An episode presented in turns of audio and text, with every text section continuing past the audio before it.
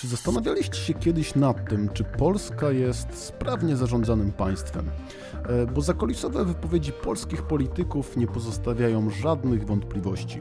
E, Bartłomiej Sienkiewicz, polityk Platformy Obywatelskiej, e, za czasów pełnienia swojej funkcji ministra spraw wewnętrznych, w trakcie wizyty w sławetnej restauracji Usowy, wspominał, że polity polityki publiczne w Polsce to w zasadzie ch i kamieni kupa.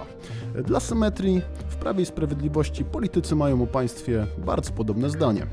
Michał Dworczyk, przez wielu uważany za drugą najważniejszą osobę w rządzie po premierze Morawieckim, w ukradzionych mailach wspominał o chęci udowodnienia obywatelom choćby przez dwa dni, że państwo działa, co oznacza, że państwo generalnie nie działa. Opinie komentariatu są zbieżne z politykami. Cała masa publicystów i osób opiniotwórczych, w tym m.in. Jerzy Hausner, Jan Rokita czy Ludwik Dorn, otwarcie mówią o konieczności zwiększenia sprawności funkcjonowania państwa. W Klubie Jagiellońskim od wielu lat jest to jeden z wiodących tematów. Rząd Prawa i Sprawiedliwości ma w ostatnich latach bardzo kreatywne rozwiązanie tego problemu. Wiele reform realizowanych jest nie przez słabe państwo, a trochę obok niego, poprzez wykorzystanie m.in. spółek Skarbu Państwa. Tak było w przypadku programu 500, za którego wdrożenie odpowiadały banki, czy w przypadku tarcz antykryzysowych, które realizowane były przez Polski Fundusz Rozwoju. Czy to kreatywne podejście do administracji jest dobre? Jak działanie równoległej administracji wpływa na działanie państwa? Czy wreszcie Polska na zawsze będzie działać jak spółka z OO? Witajcie w najnowszym Międzymiastowo, podcaście miejskim realizowanym przez Klub Jagielloński. Nazywam się Karol Walachowski i do dzisiejszej rozmowy zaprosiłem Izabelę Wiśniewską, specjalistkę w Centrum Polityk Publicznych Uniwersytetu Ekonomicznego w Krakowie. Porozmawiamy na temat sposobu rządzenia w Polsce. Przyczynkiem do rozmowy będzie niedawno wydany przez Centrum Polityk Publicznych raport pod tytułem Państwo z OO o administracji w rękach menedżerów. Międzymiastowo. Podcast miejski Klubu Jagiellońskiego. E, główna teza waszego raportu e, jest taka, że administracja jest wyprowadzana trochę poza ten główny nurt e, administracji publicznej, który jest mocno, jakby ma, ma mocne zasady związane z całym prawodawstwem, całe zasady dotyczące funkcjonowania, to na jakimi aktami prawnymi jest obudowane i tak dalej, i tak dalej, jest wyprowadzane z tego systemu gdzieś tam na zewnątrz do spółek, czy to właśnie na poziomie centralnym czy na poziomie e, samorządowym. E, na czym polega to wyprowadzanie? E, jasne. No właśnie ten temat przyświecał nam, ten punkt widzenia przyświecał nam, kiedy e, pisaliśmy nasz raport. E, wraz z kolegami tutaj skupiliśmy się e, na tym wyprowadzaniu zadań typowo przewidzianych niby dla administracji publicznej, trochę jakby na zewnątrz, ale nie do końca. Dlaczego nie do końca?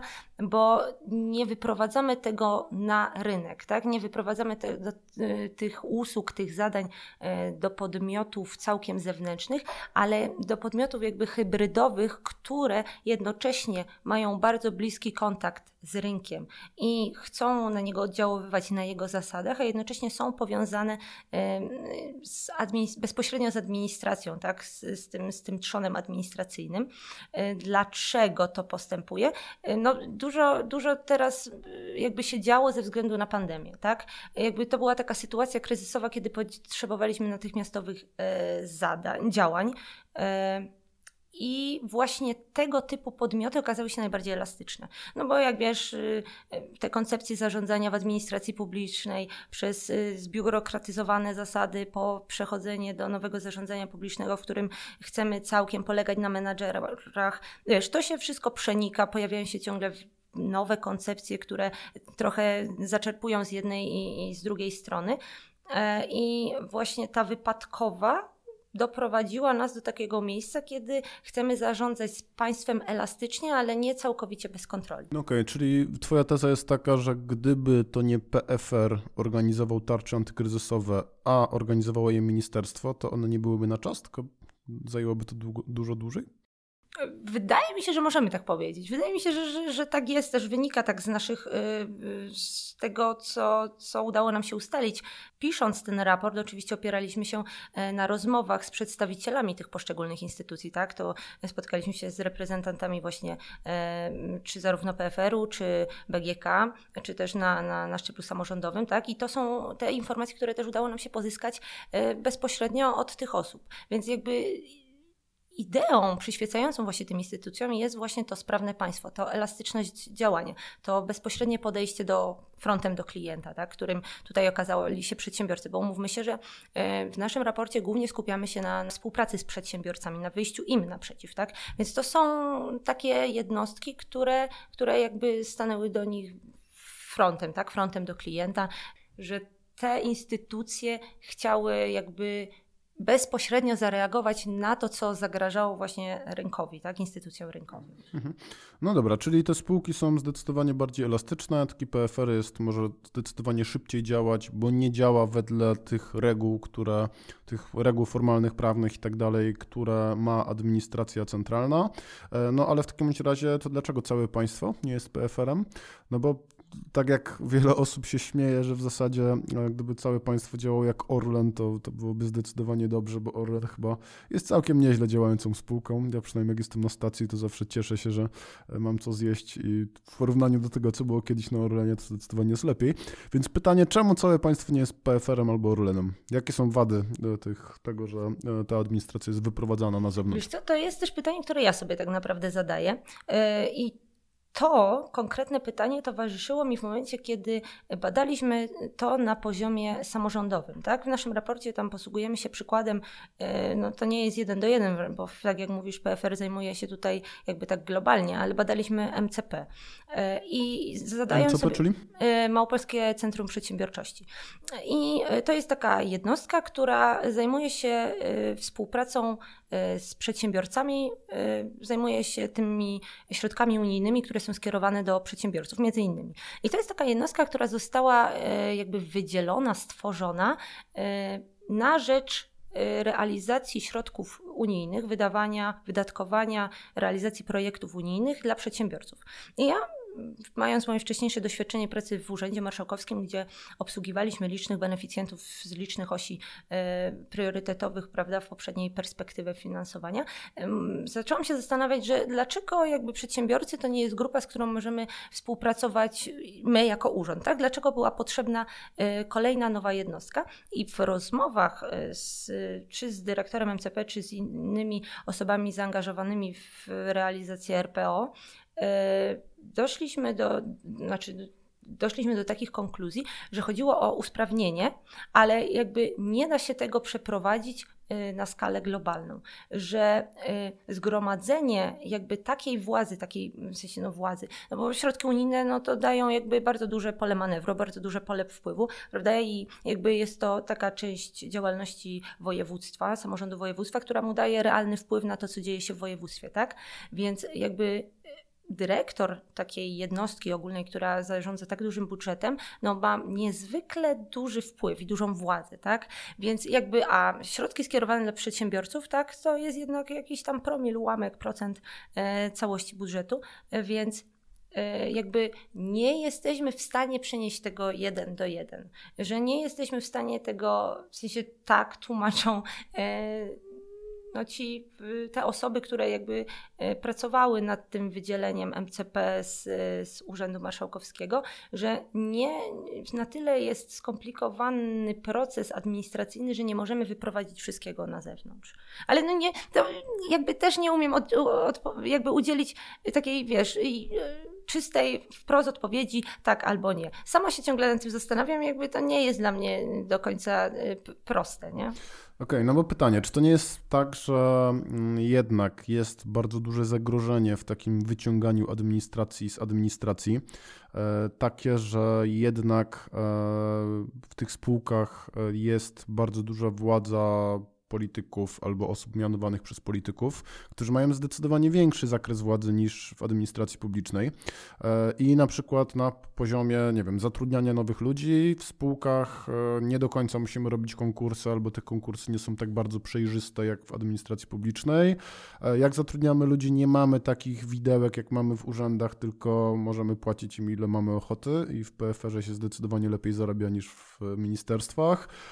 I w zasadzie też, skoro nie mamy E, takich zasad funkcjonowania, to my na przykład nie musimy realizować różnych tam strategii, które tam powstają, tylko po prostu robimy co chcemy, więc tak naprawdę ten poziom władzy, władztwa jest bardzo duży. No i to też za tym poziomem władztwa też idzie to, że nie mamy takiej demokratycznej kontroli, nie mamy takiej przejrzystości e, i być może te tarcze antykryzysowe zadziałały, bo to był taki moment, że może trzeba było to wykonać, ale długookresowo nie chciałbym, żeby jedna osoba czy tam grupa osób w PFR-ze podejmowała decyzję o e, miliardach wydawanych złotych. Nie wolałbym dużo bardziej, żeby to robiły ministerstwa, które mają jednak dużo bardziej przejrzyste reguły działania. Więc czy to nie jest tak, że to ma swoje plusy i minusy? Jasne, to ma swoje plusy i minusy. Wiadomo, że kiedy mamy do czynienia z administracją, która wydatkuje środki, to tam każda złotówka jest obracana w, w każdą stronę, tak, dobrze obejrzana, zanim zostanie wydana, bo ktoś nam cały czas patrzy na ręce, tak, bo są ludzie, którzy nas wybierają, którzy, którzy patrzą, co robimy i jak robimy, więc jasne.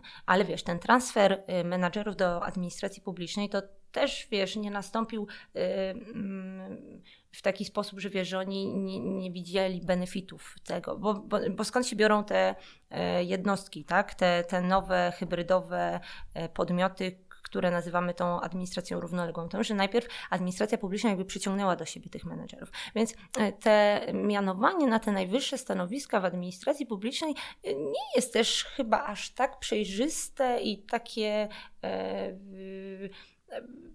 bezstronne, jak wspomniałeś, tak, że, że nie, no wiadomo, że jest dużo więcej procedur i na pewno na tym najniższym szczeblu y, faktycznie ci, pod, mm, czy ci liniowi pracownicy jakby nie mają zbyt dużego wyboru, tak, oni działają w ramach konkretnych przepisów, oni się ich muszą trzymać, tak samo są rekrutowani, tak samo są Y, finansowani. Natomiast jeśli chodzi o te wysokie szczeble, to wydaje mi się, że, że ci pracownicy, y, ci menedżerowie, którzy zostali też jakby, jakby zachęceni do tego, żeby przejść do sektora publicznego, tam też nie było jakichś chyba takich limitów górnych, wiesz, mhm. widełkowych, które no, jakby zachęciło ich to do przejścia, tak? No jakby sektor publiczny jest z reguły, mówimy, że jest nieatrakcyjny, tak? Więc co ich zachęciło do tego, żeby przejść? A teraz jakby y, przez to, że tworzymy takie organizacje hybrydowe, jakby, to faktycznie daje im dużo większą przestrzeń działania, dlatego że jednak działają w ramach państwa, tak, ale na tyle są gdzieś miękko ulokowane, określone pola ich funkcjonowania, ich działania, że właśnie PFR mógł być łatwo wyciągnięty do tego, żeby realizować y, tarczę, tak? żeby przygotować tarczę. To też jakby y, pokazuje, że, że, że te podmioty przez to, że nie mają tak ściśle określonych zadań, mogą bardzo elastycznie podejść do tematu, tak? Gdyby to miało realizować jakieś konkretne ministerstwo, pewnie to musiałoby przejść y, bardzo długą ścieżkę proceduralną, tak? Najpierw musiałyby być zatwierdzone wszystkie nowe przepisy, dopiero na podstawie tych przepisów mogłyby być podejmowane decyzje. Natomiast tu mamy bardzo skróconą ścieżkę, tak? Mamy od dyrektora do pracownika w jednej linii. Przypuszczam, że to bardziej w ten sposób wygląda. Tak no działa dobra, w MCP, ale nie? czy ten, czy według Ciebie nie jest tak, że to uelastycznienie i właśnie skrócenie tej tej, e, tej linii decyzyjnej, czy to nie jest trochę grabież państwa? i czy to nie jest dla nas bardzo jakby ryzykowne. No bo mm, ja zastanawiam się nad taką hipotezą, czy to nie jest tak, że politycy wyciągają tę administrację na zewnątrz po to, żeby właśnie móc zadzwonić do takiego prezesa PFR-u i mu powiedzieć weź panie prezesie, zrób to i to. E, I ten prezes nie ma żadnych jakby reguł, którymi musi się e, przestrzegać, tylko w zasadzie wykonuje te polecenia e, i ta ścieżka jest może bardzo krótka, ale jest bardzo jakby oparta na poszczególnych decyzjach.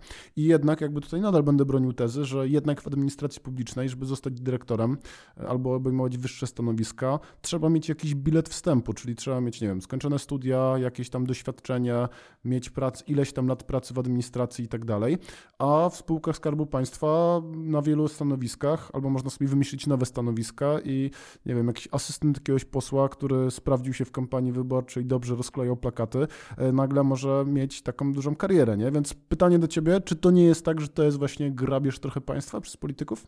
Więc y, oczywiście istnieje takie zagrożenie, bo wiesz, ale w, w, każdej spółce i oczywiście wiadomo, znamy te przypadki, ja tutaj nie, nie, nie jestem po stronie, wiesz, nie, tu nie, nie jestem, że będę teraz bronić wszystkich polityków, nic tak, oni świetnie to robią, świetnie świetnie awansują swoich, swoich asystentów, bo dobrze wiemy, jakie, jakie znamy hi przypadki historycznie, tak? I, I wiemy, do czego dochodzi, jak są sprzeniewierzane jakby publiczne pieniądze na tworzone fejkowe stanowiska, więc ja jakby jestem tutaj całkowicie po, po Twojej stronie. Natomiast wydaje mi się, że takie usprawnianie działalności państwa jest pozytywne, dlatego że jakby, jakby tutaj działalność tego y, akurat, no wiesz, ja bardziej to widzę na poziomie lokalnym, tak? Y, że akurat utworzenie takiej jednostki, która zajmuje się konkretnymi rzeczami i, i działa w ramach y, administracji publicznej, natomiast skraca całość tych procedur, które w normalnej administracji no, trzeba wykonać, no po prostu usprawnia. I tak jak mówiłem, MCP cieszy się naprawdę bardzo dobrą opinią wśród beneficjentów, którzy korzystają ze wsparcia i z, z, współpracy, tak? Więc nie możemy rzucać wszystkich do jednego worka. Wiadomo, że to ma zawsze jakieś zagrożenie polityczne, ale wydaje mi się, że jest to jakieś rozwiązanie, które usprawnia i które może być pomocne. No dobra, prawdopodobnie to jest trochę tak jak z tą metaforą noża, nie? Że z jednej strony nożem można ukroić chleb, a z drugiej strony można kogoś dźgnąć, tak? No więc tak, pewnie, miecz obosieczny, tak, e, tak. Tak, więc pewnie to można używać tą, tą sprawną, elastyczną administrację można używać do dobrych i do złych celów. No to w takim razie pytanie, gdzie według Ciebie leży granica? No bo zakładam, że być może w momencie, nie wiem, kryzysu takiego jak COVID i konieczności bardzo szybkiego wdrażania tarcz, może PFR był sensownym narzędziem, żeby to wykorzystywać. E, no ale zakładam, że w normalnych czasach e, taki PFR, jego rola powinna systematycznie spadać i powinniśmy raczej bazować na standardowej e, administracji. Więc według Ciebie, w którym miejscu jest ta granica? Czy jest jakaś w ogóle granica? No bardzo ciężko ją tak, wiesz, jednoznacznie wyznaczyć. Fajnie pewnie by było, I tutaj wspomniałeś, że, że czy rola PRFR-u powinna spadać. No to jest pytanie, tak? Oni jakby pokazali, że, że sobie poradzili, tak? W sensie, że ta instytucja faktycznie się sprawdziła, ta pomoc została udzielona, e, została udzielona sprawnie, więc tendencja, pytanie, czy nie będzie teraz jakby taka tendencja, która na podstawie historycznych danych, hej, poradziliśmy sobie, nie doprowadzi do tego, hej, dajcie nam więcej, tak? No tutaj jest na pewno y, bardzo istotna ta kwestia kontroli takich, y, takich jednostek, takich organów, y, bo jakby nie do końca jest to konkretne, tak? Że te granice na razie są ustalone na miękko. No ciężko powiedzieć, gdzie ona powinna być dokładnie. No, Naprawdę, no ciężko. Dobra, e, jesteśmy podcastem miejskim, e, co oznacza, że też powinniśmy ten temat przenieść na e, poziom stricte samorządowy. No bo wiemy, że na poziomie centralnym takie tworzenie tej równoległej administracji się dzieje i właśnie mamy trochę tych przykładów. E, pytanie do Ciebie, czy na poziomie jednostek samorządu terytorialnego, czy to też się dzieje? No bo też w samorządzie też mamy bardzo podobne problemy, czyli na przykład bardzo niskie płace w administracji samorządowej, która tak naprawdę zniechęca wszystkie talenty i raczej mało kto chce z sektora prywatnego do publicznego się przenosić. E, też mamy bardzo duże, bardzo długą często ścieżkę decyzyjną i tak dalej, więc te problemy administracyjne administracji prawdopodobnie są podobne, więc pytanie do Ciebie i do Waszych badań, czy na poziomie samorządowym też to występuje? Oczywiście, tak, jasne, że występuje. E, no i właśnie tutaj dlatego świetnym przykładem jest e, Małopolskie Centrum Przedsiębiorczości, e, dlatego że jest to właśnie taka jednostka, która została utworzona równolegle do Departamentu Funduszy Europejskich, który funkcjonuje w ramach Urzędu Marszałkowskiego. Tak? Mamy departament, który realizuje, wydatkuje i przeprowadza e, programy realizuje e, osie priorytetowe, tak, realizuje projekty. E, jednak jakby skala tych projektów jest bardzo duża, tak? dlatego że no one dotyczą najczęściej beneficjentami są gminy, związki gmin, to są bardzo duże projekty. I jednocześnie to te pieniądze, które płyną z Unii Europejskiej, dotyczą także przedsiębiorców, którzy w skali y, do beneficjenta, którym jest gmina, no to jakby jest to mniejsza skala projektu, tak? Kiedy gmina realizuje jakąś ogromną inwestycję, a kiedy przedsiębiorca chce zmodernizować swoją linię produkcyjną. Dlatego tu się pojawiło właśnie e, takie myślenie, które powiedziało o tym, hej, zróbmy coś innego, obsłużmy tych przedsiębiorców inaczej. E, no, przedsiębiorcy są takim specyficznym jednak beneficjentem, tak? Bo oni inaczej działają niż administracja. Kiedy przedsiębiorcy przedsiębiorca najczęściej spotyka się z administracją publiczną, no to jakby są, występują bardzo duże zgrzyty, tak? Przedsiębiorcy nienawidzą jakby tych całych ścieżek. Wszystko musi być na papierze. Tak, ścieżki tak administracyjnej, musi pan poczekać, tutaj trzeba konkurs rozstrzygnąć, więc pojawiło się takie myślenie pod tytułem zróbmy coś innego, zróbmy to inaczej. I została wydzielona taka jednostka, która została skierowana tylko i wyłącznie do obsługi przedsiębiorców. I e, jakby tutaj należy jakby zwrócić uwagę na to, że, że faktycznie sobie poradziła, tak? Wszystkie te rzeczy, które muszą przebyć bardzo długą drogę administracyjną e, w strukturze Urzędu Marszałkowskiego, tak? Tam, gdzie każdy departament jest jakby oddzielnym królestwem, każdy ma swojego dyrektora, który e, odpowiada za swoją część. Mamy dyrektora Departamentu Funduszy Europejskich, mamy dyrektora Departamentu Finansowego, mamy jeszcze kilka po drodze różnych departamentów i każdy z nich funkcjonuje w, niby w jednej organizacji, ale każdy w innej strukturze hierarchicznej. Jest taki MCEP, został tak utworzony, że ma jednego dyrektora, w którym są jakby uwzględnione wszystkie te małe departamenty, tak? Mamy, mamy panią księgową od finansów, mamy kogoś od, od, od yy, zasobów ludzkich, tak? I nagle się okazało, że wszystkie procedury, które urząd jakby wymaga, można skrócić. Można skrobić krótszy formularz y, zgłoszeniowy, można y, wymagać oświadczeń zamiast zaświadczeń, y, można wymagać dużej, mniejszej ilości dokumentów i to się sprawdza. I przedsiębiorcy przez to budują relacje z jednostką, która jest mimo wszystko jednostką administracji publicznej, nie? więc działa. Okej, okay. Mm, tak, a na poziomie miasta Krakowa, bo mamy dwa takie chyba duże podmioty, które są właśnie trochę tym tworzeniem równoległej administracji, czyli mamy Agencję Rozwoju Miasta, która odpowiada za wiele inwestycji, teraz między innymi odpowiada za całą Wesołą i tam wszystkie te inwestycje, za cały ten projekt generalnie. E, I mamy tą spółkę Kraków 5020, która jest trochę wyciągnięciem z administracji publicznej tych wszystkich kwestii e, rozrywkowo-turystycznych, bo tam właśnie jakieś tam rzeczy promocyjne są mm, i tak mm. dalej. Ta spółka ma dużo funkcji. No i na przykład, e, tak jak na Radzie Miasta padała decyzja, czy wyciągać właśnie ten projekt Wesołej z, e, z, z Urzędu Miasta do właśnie Agencji Rozwoju Miasta no to bardzo często padał taki argument, że jakby nie róbmy tego, skoro to jest dla nas ważne przedsięwzięcie, które nie wymaga już teraz działań, że już dzisiaj muszą się te działania wydarzyć, tylko to jest projekt rozpisany na wiele lat, to róbmy to jako miasto, a nie róbmy to jako spółka, no bo z tego względu, że miasto może sobie pozwolić na dużą liczbę konsultacji, ten proces jest bardzo mocno sterowany przez radnych, ten proces jest bardzo mocno konsultowany i tak dalej, dostęp do informacji jest dużo większy, a jak ten projekt wylądował w Agencji Rozwoju Miasta, no to to już jest zdecydowanie trudniejsze, nie? No bo ta przejrzystość działania przede wszystkim Agencji Rozwoju Miasta jest zdecydowanie mniejsza, nie? No więc na przykład moja intuicja była taka, jak pierwszy raz usłyszałem o tym projekcie, że po prostu miasto chce sobie dać elastyczność i większą decyzyjność, bo realnie boi się tego, że e, po zorganizowaniu jakichś konsultacji będą musieli e, to, co powstało na konsultacjach realizować, a pewnie politycy, jak to politycy, pewnie mieli jakiś tam pomysł swój na to i chcieli zrobić to po swojemu.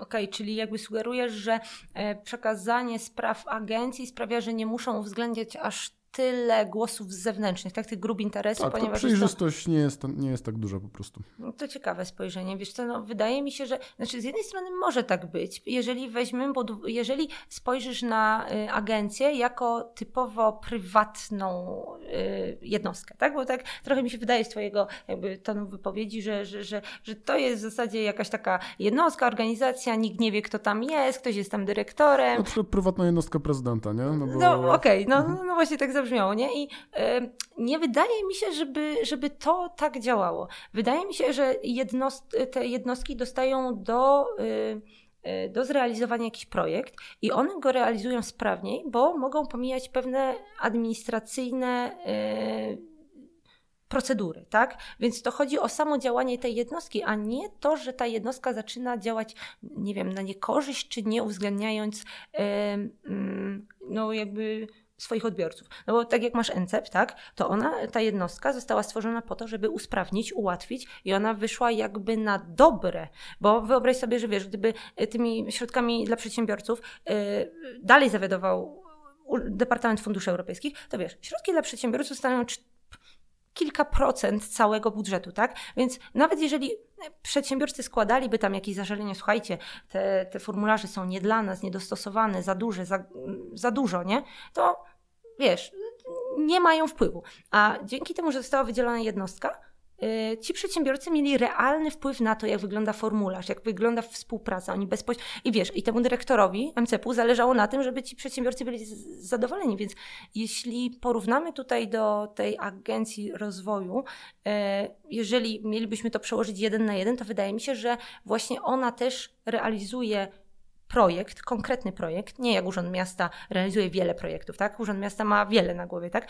Więc przekazuje go do realizacji jednostce, której, która bezpośrednio ma wpływ na realizację i do której jakby wszyscy odbiorcy końcowi mogą jakby się zwracać. Okej, no dobra, a to nie jest tak, że mm, te procedury tyle trwają z tego względu, że są obowiązkowe jakieś konsultacje, jest czas na odwołanie, decyzje pod, podejmowane są na podstawie różnych komisji i tak dalej, i tak dalej, no bo z Twojej wypowiedzi wynika, że y, to, wyprowadzenie administracji działa, bo pozbywamy się długiego czasu, który trochę nie ma sensu, nie? No ale tak, tak nie jest, nie? Jakby każdy, każde działanie administracji publicznej jest w jakiś sposób celowe, nie? I Jestem w stanie sobie wyobrazić sytuację... Ale niekoniecznie sensowne, przepraszam, że ci przejdę. Okej. W sensie, że jakby wiesz, wewnątrz procedur administracyjnych jest wiele zbędnych e, procedur i jakby kwestia tego, jakie jest podejście danej jednostki organizacji do tego, jak chce się uelastycznić, ale proszę. No dobra, no to mam nadzieję, że w przyszłości nasza administracja będzie czerpać e, te dobre aspekty właśnie z tej równoległej administracji i może te procedury będą wewnątrz tej zwykłej, standardowej administracji trochę lepsze i nie będzie potrzeby wyciągania jej na zewnątrz. Tego i Państwu sobie życzę. E, Ja dziękuję bardzo za rozmowę. Zachęcam standardowo do subskrypcji międzymiastowo na ulubionych platformach podcastowych i do usłyszenia za tydzień. Międzymiastowo. Podcast miejski Kluby Jagiellońskiego. W dzisiejszym odcinku to już wszystko. Produkcja tego odcinka została sfinansowana ze środków otrzymanych w ramach Programu Rozwoju Organizacji Obywatelskich na lata 2018-2030, których operatorem jest Narodowy Instytut Wolności Centrum Rozwoju Społeczeństwa Obywatelskiego. Pozyskany grant pozwala nam rozwijać nie tylko nasz podcast, ale inne działania w tematyce miejskiej na portalu klubjagielloński.pl.